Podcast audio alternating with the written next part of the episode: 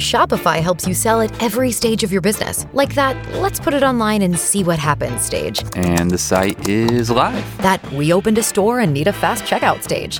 Thanks. You're all set. That count it up and ship it around the globe stage. This one's going to Thailand. And that, wait, did we just hit a million orders stage? Whatever your stage, businesses that grow grow with Shopify. Sign up for your $1 a month trial at shopify.com slash listen.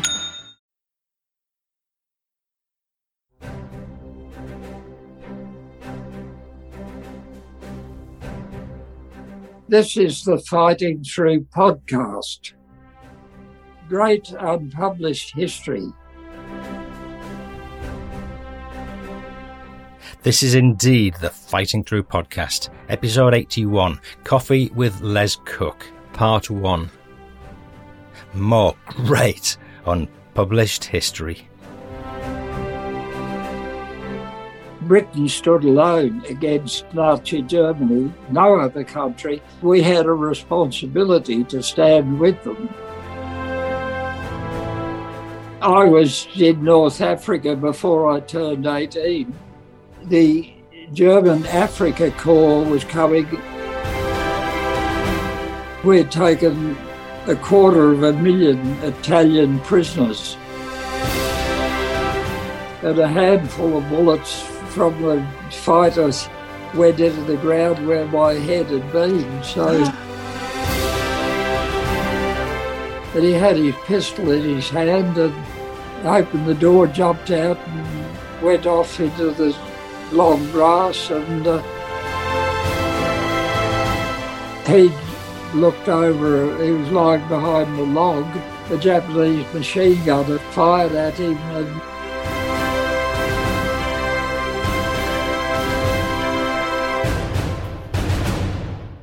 Hello again, and another warm World War II welcome to the Fighting Through Second World War podcast. I'm Paul Cheall, son of Bill Cheall, whose World War II memoirs have been published by Pen and Sword in Fighting Through from Dunkirk to Hamburg.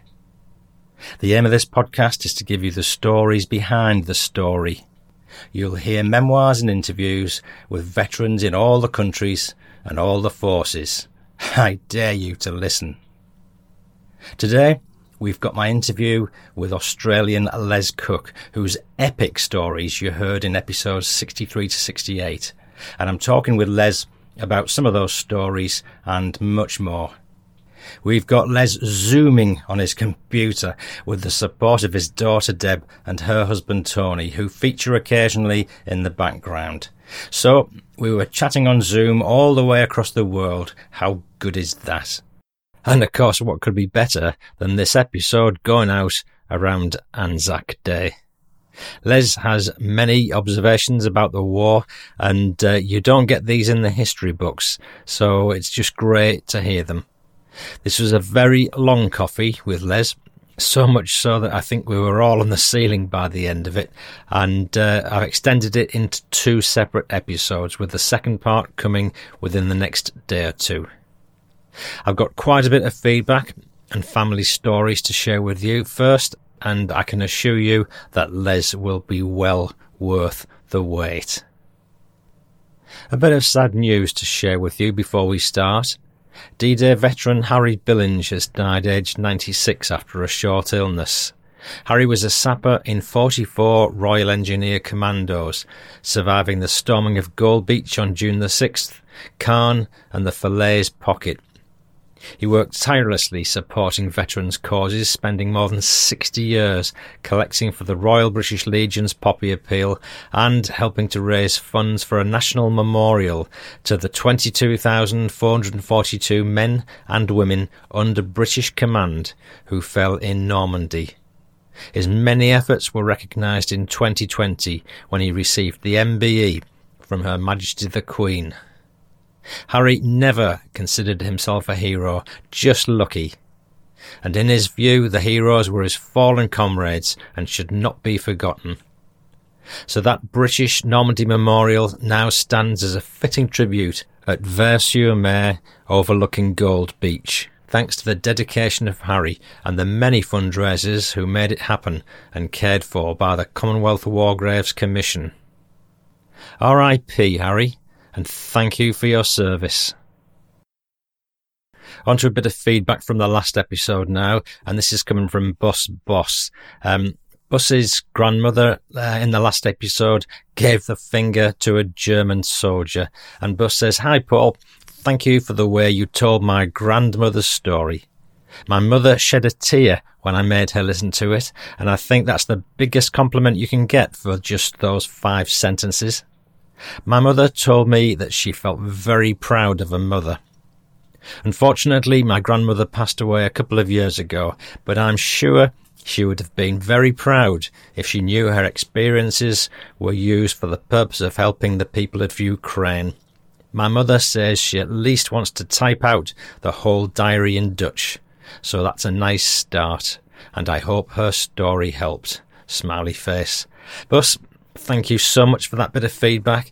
Um, to respond to your hopes, the uh, Ukrainian appeal did get a good response from listeners, and uh, I'm keeping the links to the Salvation Army and Red Cross appeals open in the show notes indefinitely, um, and they'll they're repeated in this episode's show notes as well. Um, you might like to know that I've recorded over 50 click throughs and counting um, to these links. So that's I don't know, possibly ten pounds a pop for each click through, um, making five hundred pounds collected for the appeal. So maybe even double that. But I'm not party to this part of the process, so I don't know. Um, but thank you to all those listeners who've generously supported this appeal. I've got a family story to share with you now, coming from the uh, Colorado Rockies in America. Hello, Paul. Thank you for finding a passion that makes our lives that much richer. I appreciate your encouragement to support the Salvation Army. My own continued support for that noble charity stems from an incident experienced in the early 90s. A small town sheriff was tragically killed by a man and woman duo of would be bank robbers.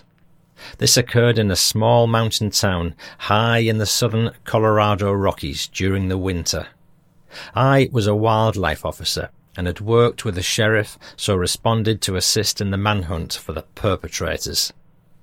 The November weather was snow covered and bone chilling in the rugged mountain community. We worked in teams throughout the day, clearing remote cabins in search of the armed suspects. In the end, we discovered that they'd taken their own lives when faced with the inevitable capture. We were worn plumb out and half numb from the cold when a Salvation Army food truck was waiting for us with hot coffee and food. The volunteer had driven through the night to provide help. I have always donated and even became a Christmas bell ringer to support the Salvation Army.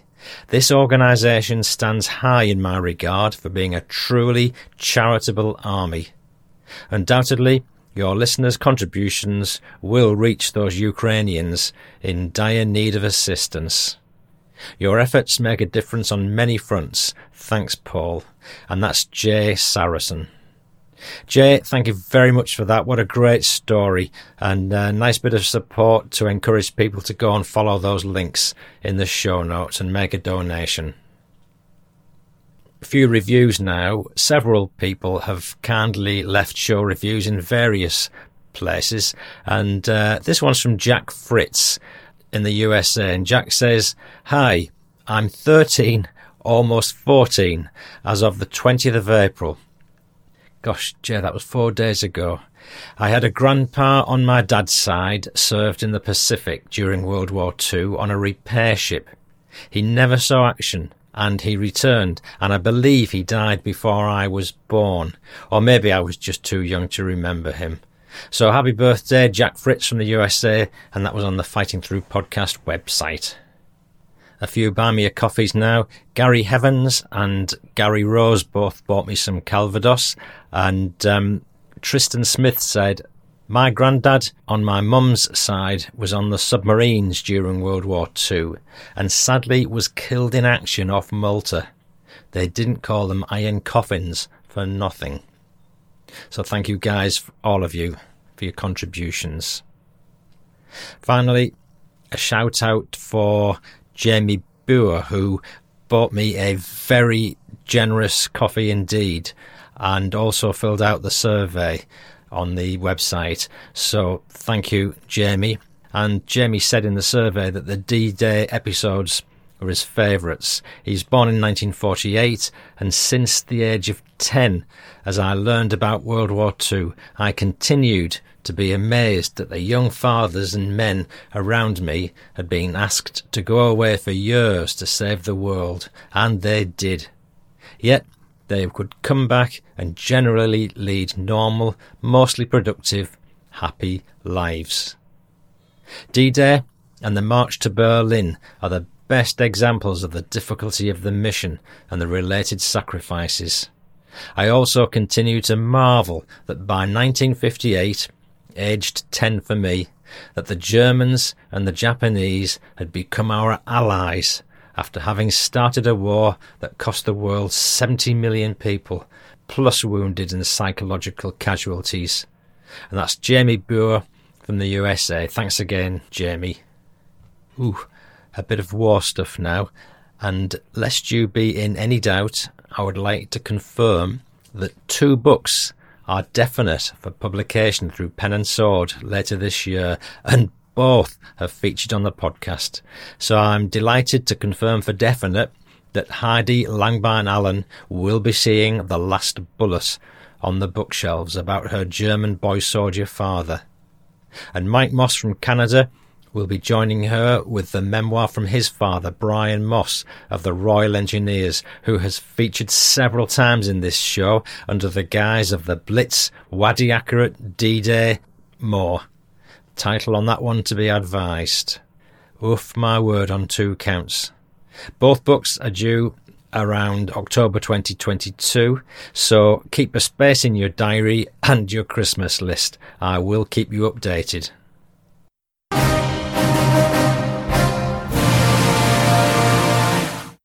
Over to the main event now. Leslie Eric Cook was in the 2nd of the 14th, and he served in Greece, Crete, Kokoda, the New Guinea Owen Stanley campaign, Borneo, and in the occupation forces in Japan. He's written many stories of his war experiences, mostly on the lighter side, and you've heard most of his stories in a series of episodes 64 onwards. I interviewed Les last year, and I'm delighted to finally bring you the edited recording, interspersed with a few more of Les's stories and Les was ably supported by his daughter Deb and son in law Tony. Les, I just want to say thank you for giving your time to this. Just to let you know that your your first episode that I did, your first few stories, it's been listened to about eight thousand times. So you've had quite an audience. An um, international star.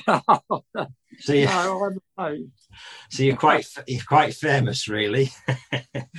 um, but you've had tributes from quite a few of my listeners when I when I told them that we were doing this.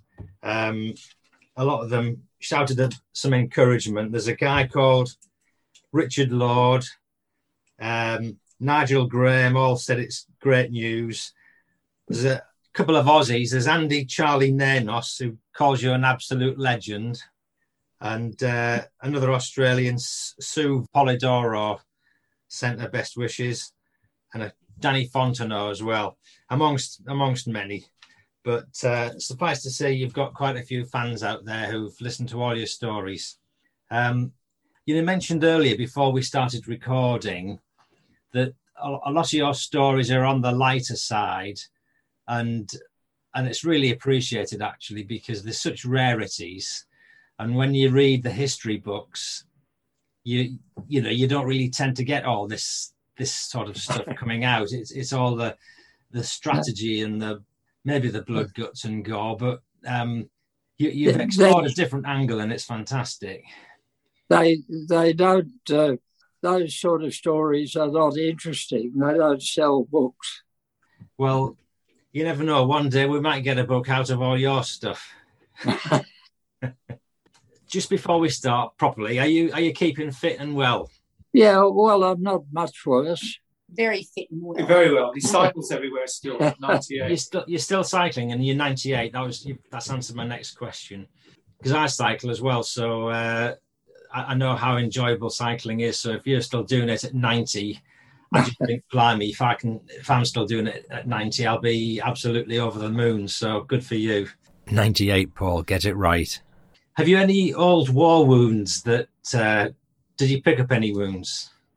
No, not not wounds in the thing that they were imposed by the enemy. No, No, but perhaps I suppose uh, I don't know if the word is psychological wounds, but you must have a few unhappy memories. But I don't, I don't want to, oh yes, I don't particularly want to dig those up unless you volunteer them. So I'm not going to go trying to prise open old, old hurts that you might have.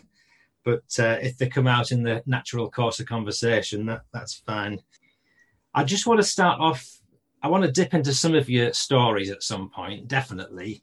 But just going right from the start, because by way of background, I, I don't know if you know, my dad was in the war, and he was at Dunkirk, and he was he joined the um, the army around about probably about the same time as you did in 19. In fact, no, Dad joined in 1939, but you you joined in 1940, didn't you? yes. You, you mentioned Dunkirk. I got some very kind words from the secretary of the uh, Veterans Affairs Department last year, and uh, I in reply. I, I said it wasn't a question of choice; it was a responsibility. Uh, after the uh, British Army was evacuated from Dunkirk, and that was about May. Britain stood alone against the war against Nazi Germany in the whole world. No other country, and we had a responsibility to stand with them. And my father was three years in the first war. He was English, and, uh, and six years in the second. And he was uh, four years uh, above enlistment age, maximum was 42. He was 46. And uh, the minimum age in the early days of the war here was 21. I was 17. So he was four years too old, and I was four years too young. So, so uh, mischievous intent and blatant disregard for the rules was running rife in your family, was it? Well, eh, but uh, there were many more Australians enlisted in the AIF in uh, around about that time of Dunkirk.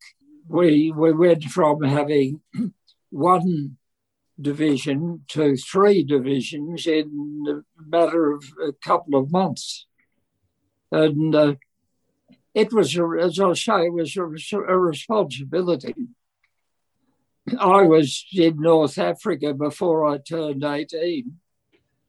We're about 120 miles past Benghazi, and uh, the German Africa Corps was coming. We had taken, when I say we, there was, we weren't the only ones. There was British regiments, uh, Scottish regiments, the Argyll and Sutherlanders, and the Camerons, and I think the Black Watch even was there. That uh, and uh, the Northumberland Fusiliers, I can remember. There were several British regiments and tank units at the time, but we had taken a quarter of a million Italian prisoners in two months, and uh, the German Africa Corps came about the end of February, and uh, we were being strafed by uh, ME 109s, the single engine fighter, German fighter, the Messerschmitt. And uh,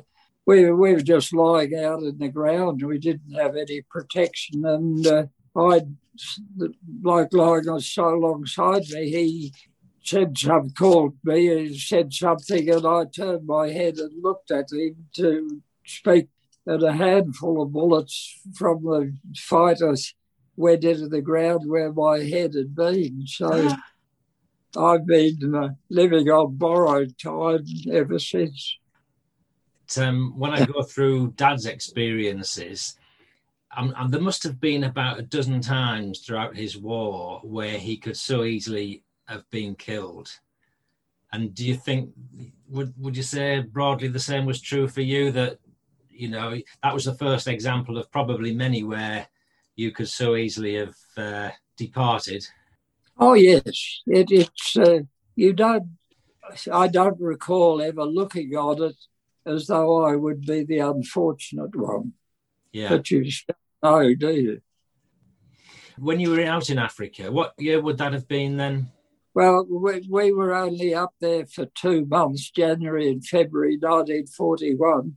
They took us back from, it was a village, we called it Ajdabiya, but when the trouble was on that ended with poor old Gaddafi getting killed uh, recently, uh, they spoke in the news of the city of Ajdabiya uh, there were six mud huts when we were there.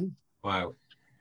So uh, they pulled, pulled us out from there, and another uh, division took over the Australia the ninth, and uh, we went to Greece with the New Zealand divi- second division.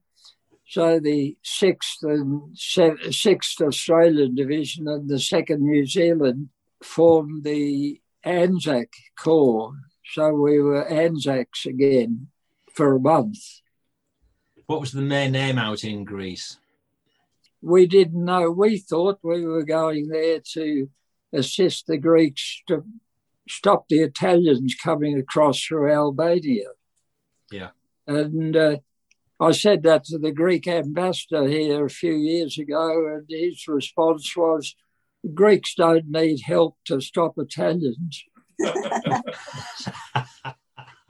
but, but he was wrong. They, the, uh, the, the story we heard when we arrived there in March in Athens at the port of Piraeus, and uh, that they were amputating 400 limbs a day in Athens from the Greek army because they weren't properly dressed for the freezing snow country in the mountains in Albania. Wow. And their weapons were old fashioned. Uh, the Italians had all modern machine guns, artillery, aircraft. They had all that modern equipment. Yeah. And uh, I've often wondered why the Greek people didn't hate us because I've thought that if we hadn't gone to Greece, the Germans may not have come down through Yugoslavia into Greece because they did that after we'd landed in Greece. Yeah. And Greece was at peace with Germany in those days, and the German embassy in Athens overlooked the port of Piraeus. The swastika was flying over the embassy, and uh, they could have counted every man and gone off the ships. But we were on the Yugoslav Greek border up through the Veria Pass in Greece, looking down on the town of Monastir in, in uh, Yugoslavia and before the Germans came. And uh, we were only in Greece a month we just retreated from one mountain range to the next until we were evacuated. There was one story you told about the evacuation where um, an evacuating barge was stranded on a sandbank or whatever, and yes. The officer was telling somebody to, to get off, and no, nobody would get Yeah. off. Oh, that was, we were in the port of Argos, and uh, a lot of our people were marched onto the ships, and uh, the convoys sailed in the hours of darkness. And uh, when it was beca- coming near daylight, because they want to be out of range of the bombers uh, before it got light. But uh, the Australian cruiser, HMAS Perth, stayed behind to pick up the rear guard, and uh, all night long we had we we put the wounded and injured people uh, onto the ships. There was a flat bottom barge driven by an English midshipman, and uh, th- there was a sandbar about, don't know the distance, would have been 100 yards at least offshore. It's up to about our shoulders in water. And uh, when the barge was loaded, it hit the sandbar and wouldn't go over it. And all night long, when we we'd been those left on the beach were going out and pushing it over the sandbar, and because uh, the engine was going, and the moment it got over the sandbar, it headed out, and uh, we we thought we could hear the sound of uh, tank engines coming down the road. Uh, it was a rumble-like engines uh, coming down the road, and, and uh, we got on the barge, and of course, when there was no one left to push it, and uh, when the barge hit the sandbar, it wouldn't go over it, and no one wanted to get off because they were afraid they'd get left behind. Because the moment it got clear of the bar, it headed straight for the ship, and uh, and that's when this uh, officer. I know he was an Australian, but I don't know who he was. We were all a mixed up of people, and uh, he uh, ordered the men on the outside of the barge to get off and push it over, and no one wanted to because we were once it got over the thing, you couldn't rejoin it, and. Uh, anyway, he drew his revolver and, and threaten people if they didn't get off. And uh, all around behind where he was standing, you could hear the rifle bolts open and close, and uh, there was there was silence for a few seconds, and uh, nobody was sure what was going to happen next. And the uh, the English midshipman who sounded about sixteen and uh, very, uh, very cultured voice said, It would be better, sir, if you were to get off first and show the men an example. And that broke the spell. Those of us on the outside jumped off and pushed it, and some of us got back and some didn't. Those who didn't finished up getting back to Crete by taking small boats going across to Turkey and getting back that way. Some got left behind, of course. It's good to hear that the one, some of the ones that got stranded did get back. I, I pictured them all being taken as prisoners. I guess some of them did. As we're still fairly early in the war, when you were issued with all your gear, you you had to go into the quartermaster's stores and he pretty much threw anything at you that he thought would fit you, including your boots. Is that right? Oh, that's when we came home from the Middle East. That was in Adelaide. Yeah. And uh, I was I was glad that the uh, quartermaster in that case did it because uh, if I'd have gone up into the mountains in New Guinea still wearing size nine boots, I'd have been hopeless. Because what size boots should you have been given? Seven. And what, and what did he actually give you? Well, when I first enlisted, they didn't have any sevens. The only one the quartermaster had was nines, and that got on my record. So, so when they wore out, they just replaced. I could almost turn about turn inside the boots without without them moving. yeah, I was glad of that because uh, we did do a lot of walking in at the finish in Greece and, and on Crete we did a lot, but uh, I had trouble on Crete with the because we threw a lot of our stuff away when we uh, got off from Greece, and I kept a, a new pair of hand knitted woolen socks that my mother had sent me and uh, I didn't realise that they'd hand knitted woolen socks. When they're wet, they stretch. we were only six hours on the Perth going back to Suda Bay on Crete, and uh, the socks were sopping wet, of course, like the rest of me, when I'd taken them off. When I put them on, they just kept getting longer and longer and longer, and, and I finished up getting a bayonet and cutting them off. and uh, when we marched up into the mountains above the Maleme aerodrome in, in Crete, they shrunk back so they only came halfway along my foot. and, and I finished in Crete with, with oversized boots and socks that only came halfway along my boot. oh dear. We, we didn't, men didn't understand that sort of thing in those days uh, that we didn't understand that wool, if you boiled a pair of socks, they would shrink. Yes, yeah. And, and if you wet them, they'd stretch. Yeah. We didn't know that. Oh, dear. Um, where did you go to after Greece?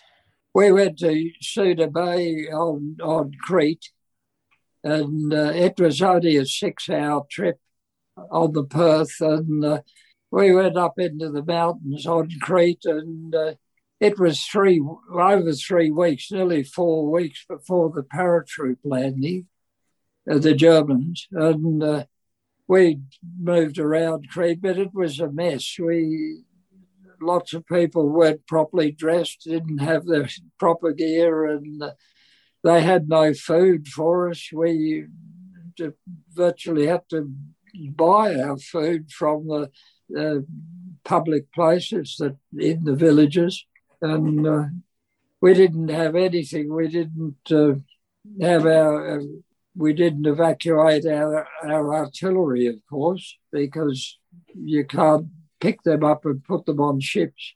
And uh, we actually blew up everything like that, destroyed it, and, uh, and drove the trucks over cliffs and smashed them up. And I was I was not involved with the paratroops. They their major attack was on the Maleme aerodrome behind Suda Bay, and uh, the the eastern end of the island. They uh, the paratroops weren't quite as successful. The uh, at Maleme, the, once they had taken the airstrip or the aerodrome, probably call it then, that uh, once they had taken that, they were able to land aircraft. They didn't have to rely on paratroops. Yeah. So they could uh, land heavier weapons like light artillery and stuff, machine guns. And they didn't do this in the eastern end of, of Crete. We didn't have the stuff to stop them Freyberg, the uh, New Zealand commander of the New Zealand Second Division, he had won a VC in the First War, and uh, he was in charge of the defence of Crete. And from the very start, he was telling the senior people in North Africa that uh, we didn't have the gear to stop the Germans, and we didn't. What happened in the end at Crete? Well, the Germans, they took a lot of prisoners. After Maleme fell, the attempt was made to get on to, over the hills to the south of the island of Crete at, at a place called Sfakia. And uh, the British Navy and, and, some of our ships too were uh, uh, could come the south southern side of the island and took a lot off from Sfakia. But uh, quite a lot of them were there for a long time, and uh, the Cretans looked after them. And uh, the Germans, uh, it, it was an offence uh, for a Cretan to harbour an Australian uh, or a, a, a, British serviceman that I don't know if they killed them, but they did mistreat them. And uh, so some of them did stay there for a long time. some of them escaped again to Turkey and got back. Turkey was uh, uh, neutral in the Second World War, so uh, they they could get there and work their way back to Palestine probably. How are your teeth? Well, they're still there, most of them. I'm, glad, I'm glad to hear that. In, at one point in the war, weren't you a bit of a dentist dodger? Oh, yes. Tell me about that one then. Modern modern dentistry is uh, much more protective than it was. The to uh, to be able to grind away most of the tooth and just glue a cap on it. Yeah. You couldn't do that a hundred years ago.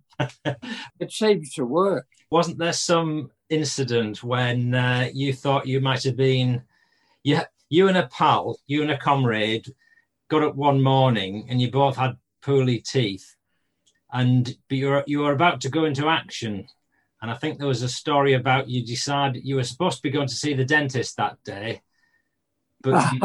oh yeah, no, we we were back in Australia when that happened. We'd uh, we didn't have a dentist in my battalion, and if you wanted to go to the dentist, you'd have to report sick to the doctor, and the doctor would give you a referral to the dentist in the sister battalion in the 21 Brigade that I was in. That our the 27th Battalion had a dentist, and uh, my section leader, Laurie Gibson, and I, we'd uh, both gone. I, I can't remember why I did now, but I had, must have had a reason. And uh, we were walking across probably be um, a kilometre at least away from where we were, and uh, walking across through the bush. And uh, I was thinking at the time we had done invasion training, like beach landing training.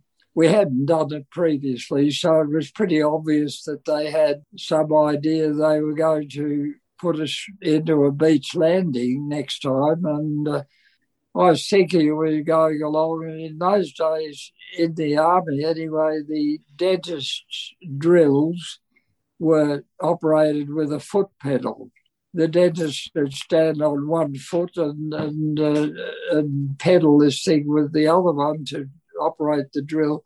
And they didn't give you injections for it, uh, drugs. And uh, I was thinking, this is a bit foolish doing this. And I said to Gibby, Are you thinking what I'm thinking? And he said, Yeah, I think I might be. And uh, what's the point of us putting up with all this, with this pedal drill and stuff?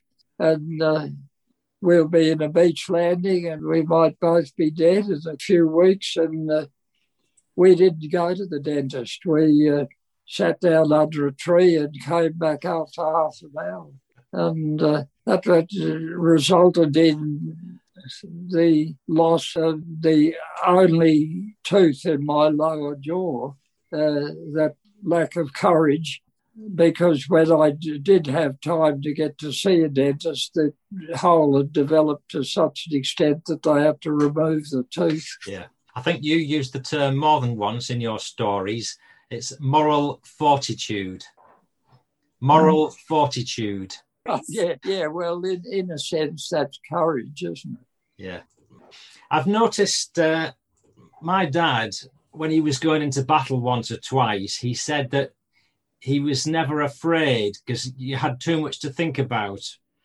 And other soldiers have said that they were afraid. And I don't think there's any any blight on anybody who was afraid because different circumstances will produce different reactions. But were you ever afraid? Or was it a different kind of feeling? There's there's always there's always fear, but it didn't ever affect me that I didn't do my job. Yeah. It yeah. was it wasn't that serious, but that is no credit to you. That's I was 45 years old probably before I realized that people don't feel fear the same. We're all different. And yeah. uh, that uh, I've heard the doctors during the war saying to men whose nerves had gone, so pull yourself together, lad. And uh, now I realise they didn't have anything with which to pull, did they? That's why they'd cracked. Yeah, yeah. It's no, it's no credit or discredit to you. It's the shape you're born. I've just been reading one story about, uh, I think he was a private in battle, and he got, uh, well, he got frightened basically, and he he went AWOL. He retreated from the back of the line, and uh, he was on his way, and he got stopped by an officer, and the officer says, "Where are you going, private?" And the private said, "Sorry, sir, I was I was going AWOL. I was I just couldn't take it anymore." So I'm, I'm sorry, Captain. He said, yeah. I'm, I'm, not a captain, I'm a general. And the private says, Struth, I didn't realize I was that far back from the front of the lines. um, this is another one I've got to make sure I cover.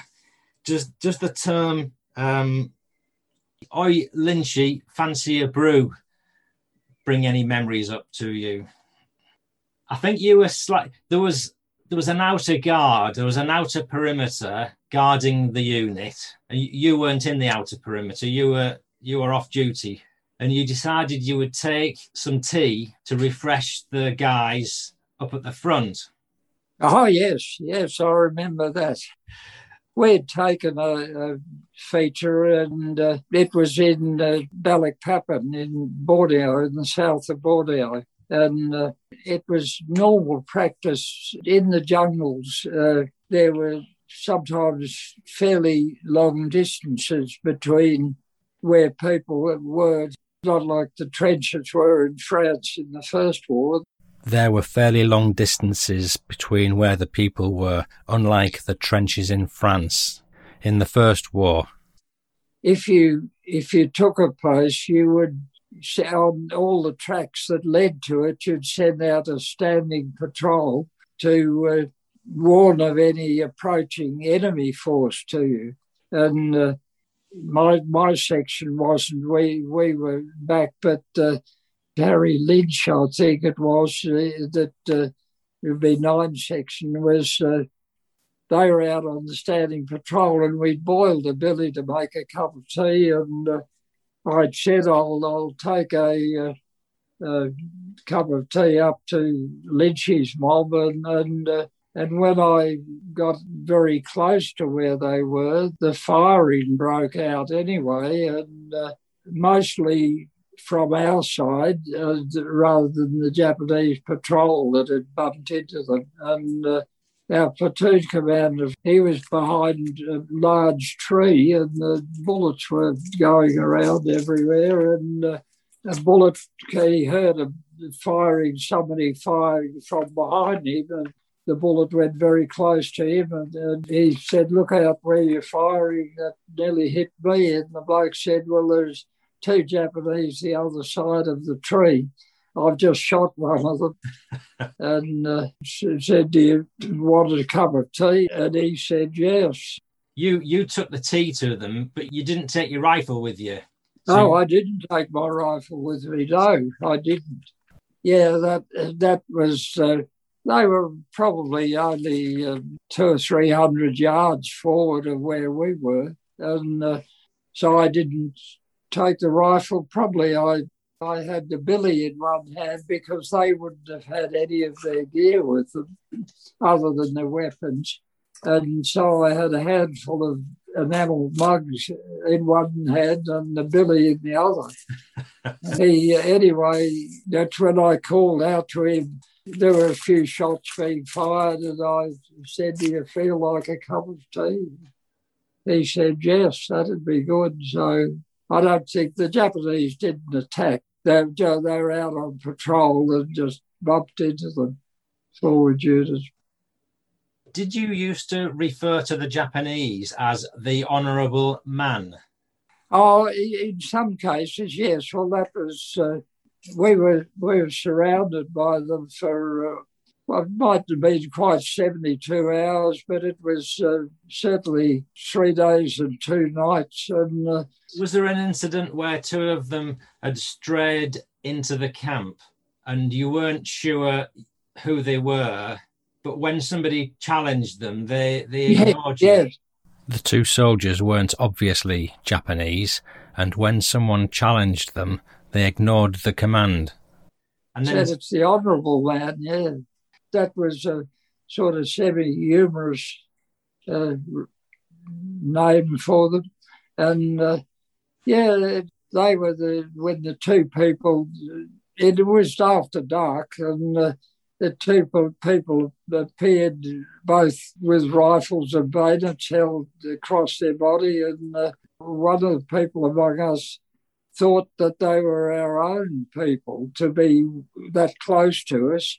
And uh, they turned to walk away, and he called out, You're going the wrong way. And uh, that was when this other person who had the side view of them yelled out, It's the honourable man, let him have it. And uh, It's the honourable man. Let him have it. was the honourable man a, a code? people used those semi humorous expressions uh, quite a lot. And uh, we'd been up in the mountains in New Guinea. We went up in August 1942, came back at the end of January 1943, and most of us spent the next few months in and out of hospital with malaria. And uh, we were back in New Guinea in July 1943. There's a town on the north coast of Papua New Guinea that is Lae, L A E, and uh, we were involved. The American paratroops took a, a, a forward uh, airstrip and uh, we landed there and, and that was the seventh division went in from that place called Nadzab outside Lae, and, and uh, we started the attack on Lae from there. And our 9th Australian Division went further west uh, along the north coast, and uh, they were attacking down the coast, and we were attacking inland from where we landed. And uh, anyway, we took Lae between us, and then we moved up the Markham Valley, and uh, there was a mission station, a, uh, a German mission. The division started moving up the Ramu Valley, and uh, we sent an independent company ahead of, of the division and they had uh, arrived at this village that was a, uh, a Lutheran mission station, and uh, they'd arrived there just before a Japanese force arrived, and they had stopped the Japanese from taking the place. They they backed off, and uh, what they did the next day, they'd uh, flew in some a very lightweight grass cutting machine to cut the because the grass in that kind the kunai grass was about six feet high, and uh, the the land was flat, but you obviously couldn't land an aircraft on it. And they uh, flew up to the independent company and successfully driven the Japanese out of the village. The uh, they had landed this lightweight petrol driven machine that was uh, cut the grass down to ground level and we flew in in the first aircraft the next morning at the uh, Douglas DC with a civil title, the Douglas DC 2, and the Americans called them Dakotas, I think, D A K O T A.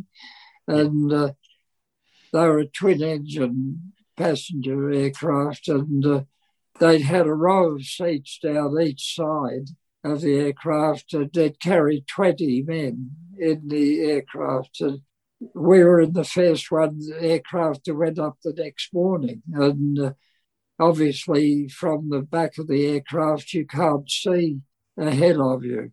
And uh, to avoid getting into trouble with Japanese fighter, fighter aircraft, the transports tended to keep as low altitude as they could.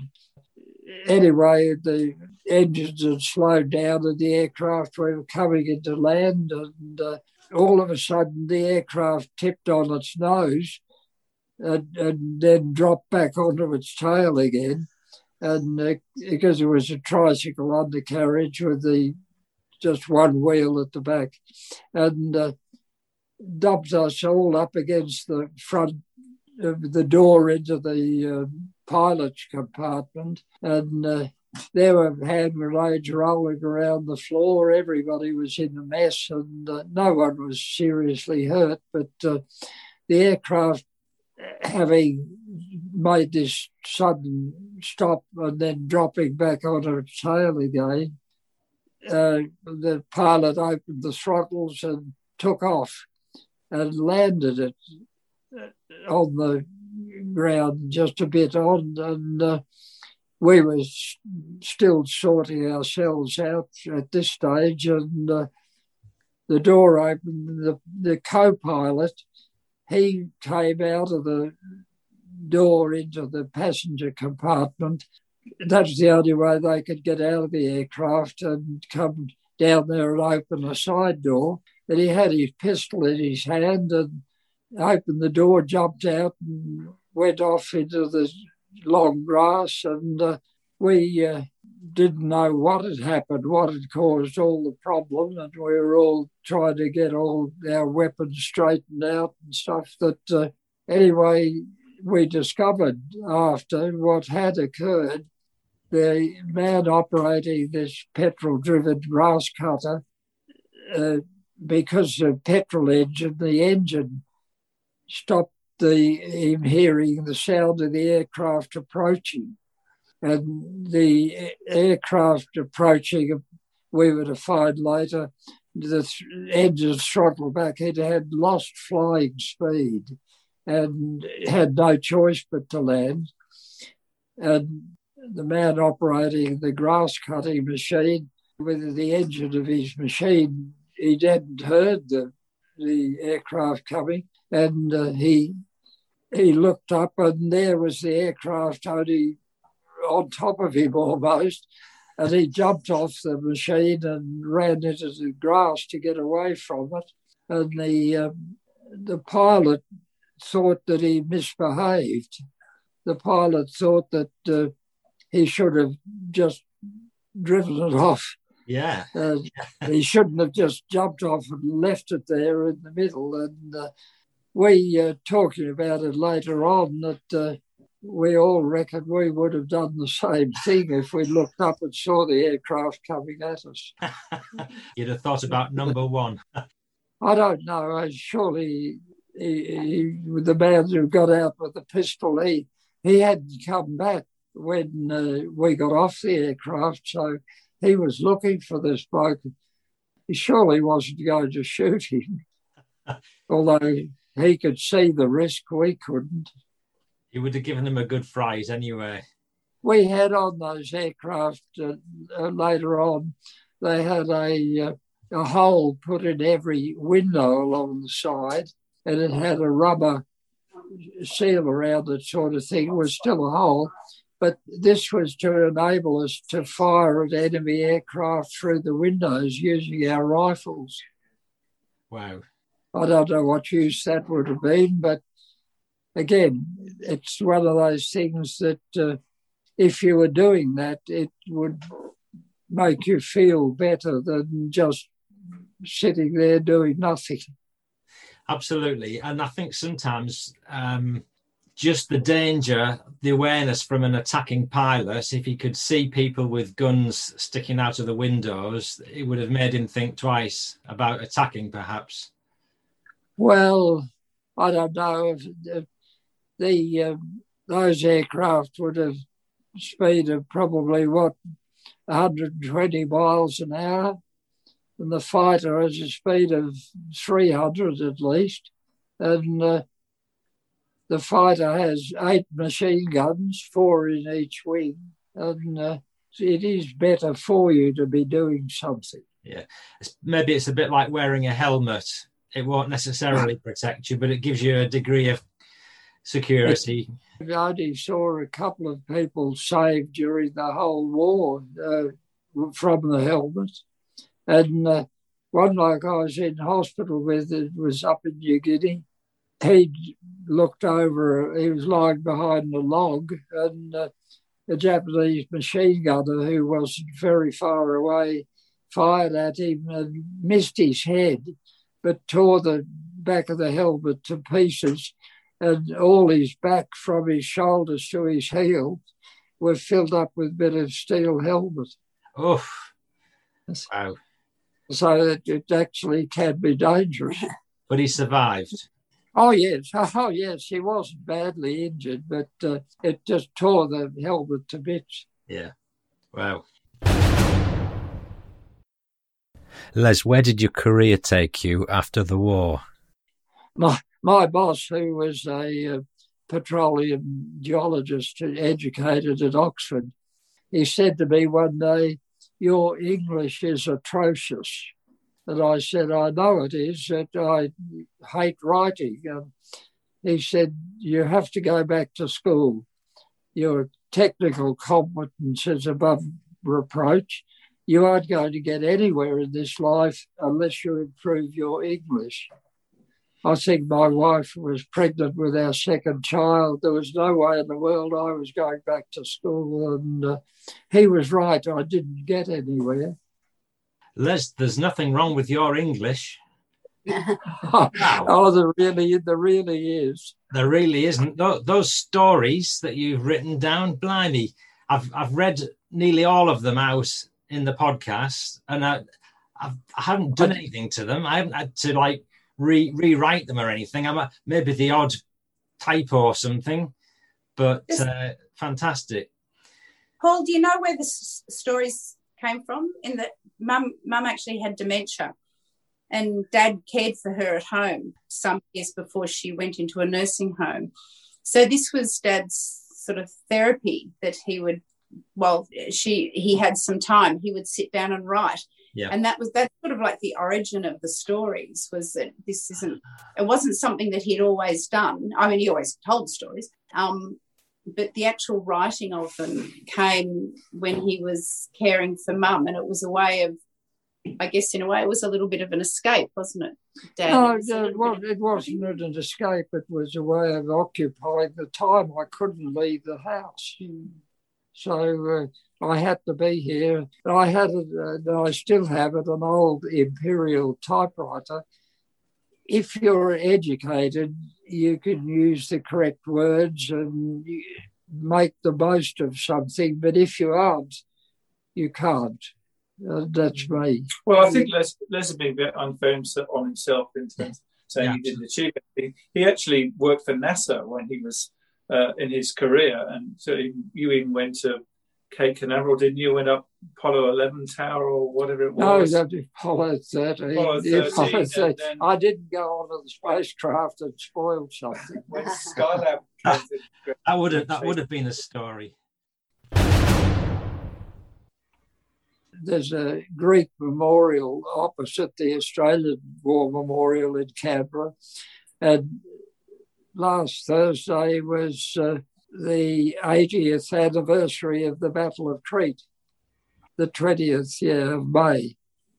And uh, that, that's when the paratroops landed Okay. in May 1941. Wow. sorry, this, uh, sorry, just to put in this, this in a bit of context, the um, dad's gets invited to the memorial service, so he's the the only veteran who was actually there, and um, from both the Australian and Greek communities. So they make a big fuss over him. Oh, yes, so yes. he gets photos with you know the the greek ambassador was here and the new zealand ambassador and and, And and everybody in the greek community and and that and he lays a wreath on behalf of the australian veterans so It- it's embarrassing, though. it's This, very nice And there we'll leave Les, at least as far as the interview is concerned. But we have got quite a few postscript stories coming up now, and uh, not the least with an outtake that you do not want to miss. And of course, do bear in mind that the second part of this interview will take place in the next episode following shortly after this one. Thank you so very much for your support and for making the time to listen to me. And please share the show with other people whenever you can. Above all, enjoy it. And please do hear me next time. Here's the PS. We've had some great fun in the past with various veterans introducing this show, learning their lines in a very sporting fashion. Of course, when we laugh, we're laughing with them, not at them. And on this occasion with Les, his hearing did let him down, as is so often the case with these veterans, but he was very happy to share this edit, otherwise destined for the cutting room floor. Over to Les again. Just one more request, Les. If what I like to do is get you recording an introduction to the podcast. So if I if I give you some words, can you just repeat them? So right, if you say this is the Fighting Through podcast. I got the podcast, but I... This this is the Fighting Through podcast. Oh, this this is the fight. It, this this is the fighting through podcast. But but why? Why?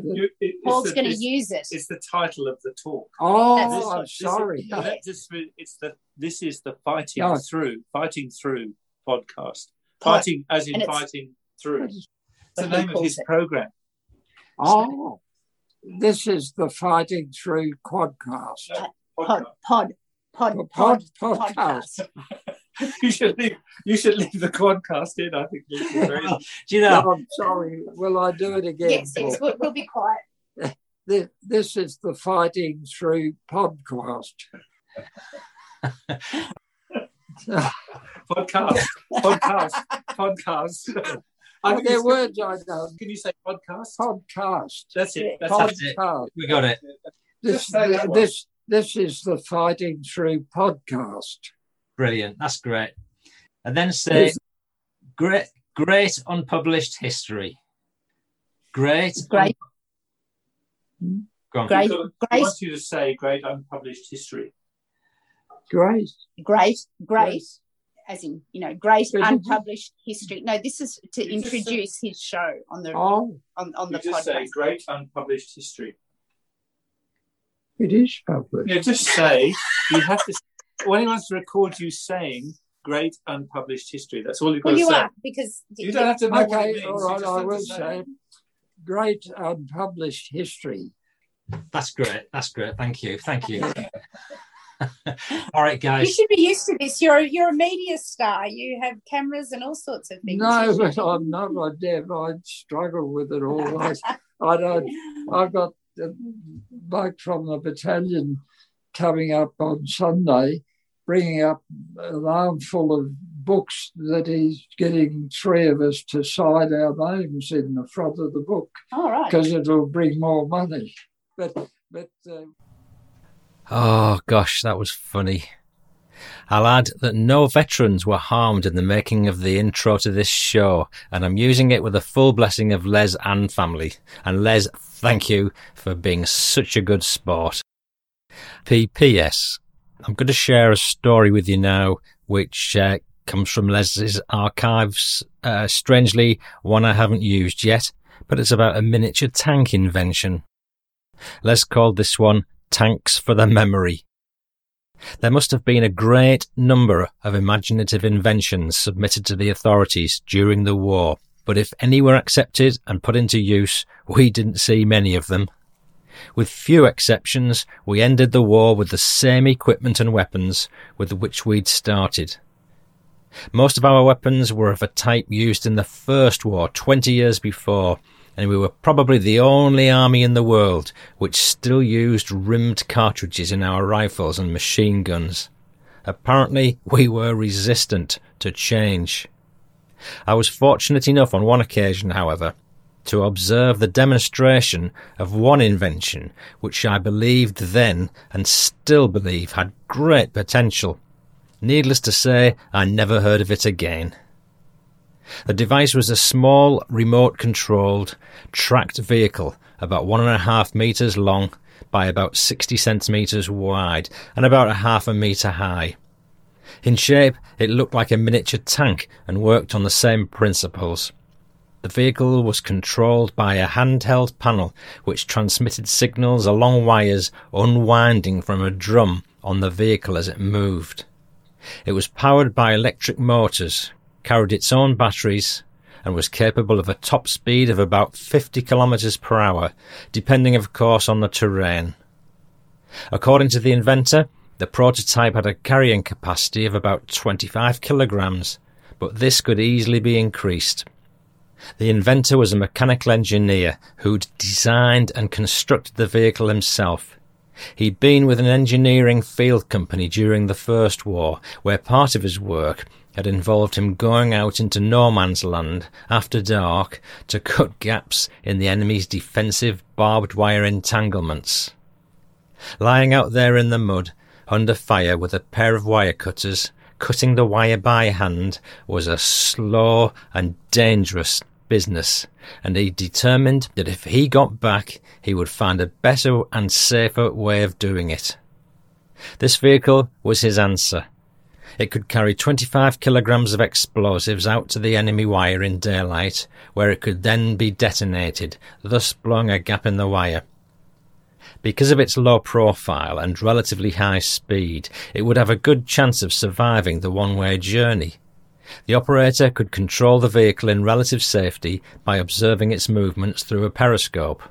He'd estimated that the cost of mass producing the vehicle would be in the order of £50, 100 Australian dollars at the time. This moderate cost was less than the cost of equipping one man. In addition to his original concept of destroying barbed wire entanglements, he pointed out that the vehicle would have many other uses. It could be used to take a signal wire or ammunition or food to an outpost that was otherwise cut off by enemy fire in daylight. Loaded with explosives, it could also be used against tanks. In the role of tank destroyer, it had the advantage again of its low profile, speed, and manoeuvrability. If the tank avoided its first pass, the vehicle could be turned around very quickly and brought up under the rear of the tank and exploded there. At that time, the speed of the vehicle was equal to or exceeded the speed of most tanks used in direct support of infantry. The inventor demonstrated this vehicle to a large number of senior officers from both the Australian and American armies on a sports ground at Toowoomba, Queensland. Standing under cover and looking through a periscope, he drove the vehicle up the steps of the pavilion into the building, turned it around, and brought it back down the steps. I suppose that it would be considered old hat by comparison with today's radio controlled vehicles, but it was an innovative concept for the time. At his invitation, many of the officers tried their hand at controlling the vehicle in the open. This was the cause of great hilarity, and a good time was had by all. Unfortunately, in my opinion, nobody seemed to take the thing seriously. One could tell from his appearance that the inventor was bitterly disappointed by the frivolous attitude of our officers. The Americans did at least appear to take some technical interest in it. As groups of our officers walked away after the demonstration, I heard one say to another, It's not practical. It would be too vulnerable to small arms fire. To which the other, who obviously had a better understanding of war, replied, oh, Not nearly as vulnerable as a man. I thought of this vehicle and spoke of it often a few months later when we were at Gona, where the Japanese bunkers were so well camouflaged and heavily constructed as to be almost indestructible either by bombing or artillery fire. Repeated frontal attacks by infantry against these bunkers had proven to be ineffective and horribly costly. I realise that it would have been very difficult, if not impossible, to get these remote controlled vehicles over by the muddy track that led from the airstrip at Popondetta to Gona. But If it had been possible, they would have been instrumental in saving many Australian lives. The battle area was small, the lines were close together, and it would have been possible in several key places to have driven the vehicle up to the bunker and exploded it there. As far as I'm aware, no other country produced a similar vehicle. It was uniquely Australian and had the prospects of being a very useful and versatile weapon. Why didn't it get past the prototype stage? You know, I feel sure we've covered a story about such an invention in a previous episode being used during the Normandy campaign by the Allies, but I can't find reference to it. Answers in an email on any of the above. Thank you very much. PPS. Here's another one of Les's entertaining yarns to finish the episode off. Punishment by remote. The transit camp at Oonoonba near Townsville was the only camp I was in where the ringkeeper at the SWY game scooped up a handful of fine red dust with the pennies and had to let the dust filter through his fingers before the coins appeared so that he could call them. The dust was so deep that some of the coins must actually have been standing on their edge when his fingers found them. Apart from the warm beer served in enamel mugs, Oonoonba was also famous for its unusual defaulters parade. There was a high hill near the camp on which, if memory serves me correctly, there was very little vegetation. It had been a camp custom, initiated no doubt by the camp RSM, to use this hill to inflict the last the last punishment of the day on defaulters. At Tattoo, each defaulter was given a hurricane lamp, which he had to carry to the top of the hill, then return to the camp. As it was dark, the sergeant major or the orderly NCO could observe progress by watching through the window and thus ensure that the full course was covered. Apparently, this worked very well until two enterprising defaulters left their lamps on the top of the hill oh dear, Le- left their lamps on the top of the hill and kept going, pre- presumably to jump the rattler and go south for a bit of unofficial leave. Oh dear, I presume the rattler is like the Midnight Express train or whatever. Oh dear. I'm Paul Cheall saying bye bye now. I'm Les Cook. Goodbye.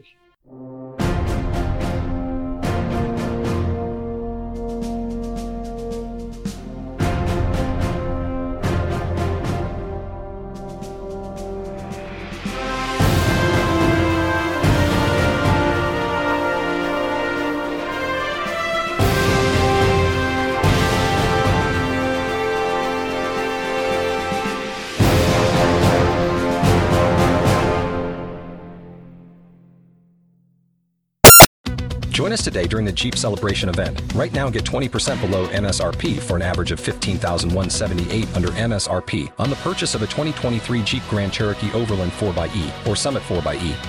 Not compatible with lease offers or with any other consumer incentive offers. 15,178 average based on 20% below average MSRP from all 2023 Grand Cherokee Overland 4xE and Summit 4xE models in dealer stock. Residency restrictions apply. Take retail delivery from dealer stock by 4 1. Jeep is a registered trademark.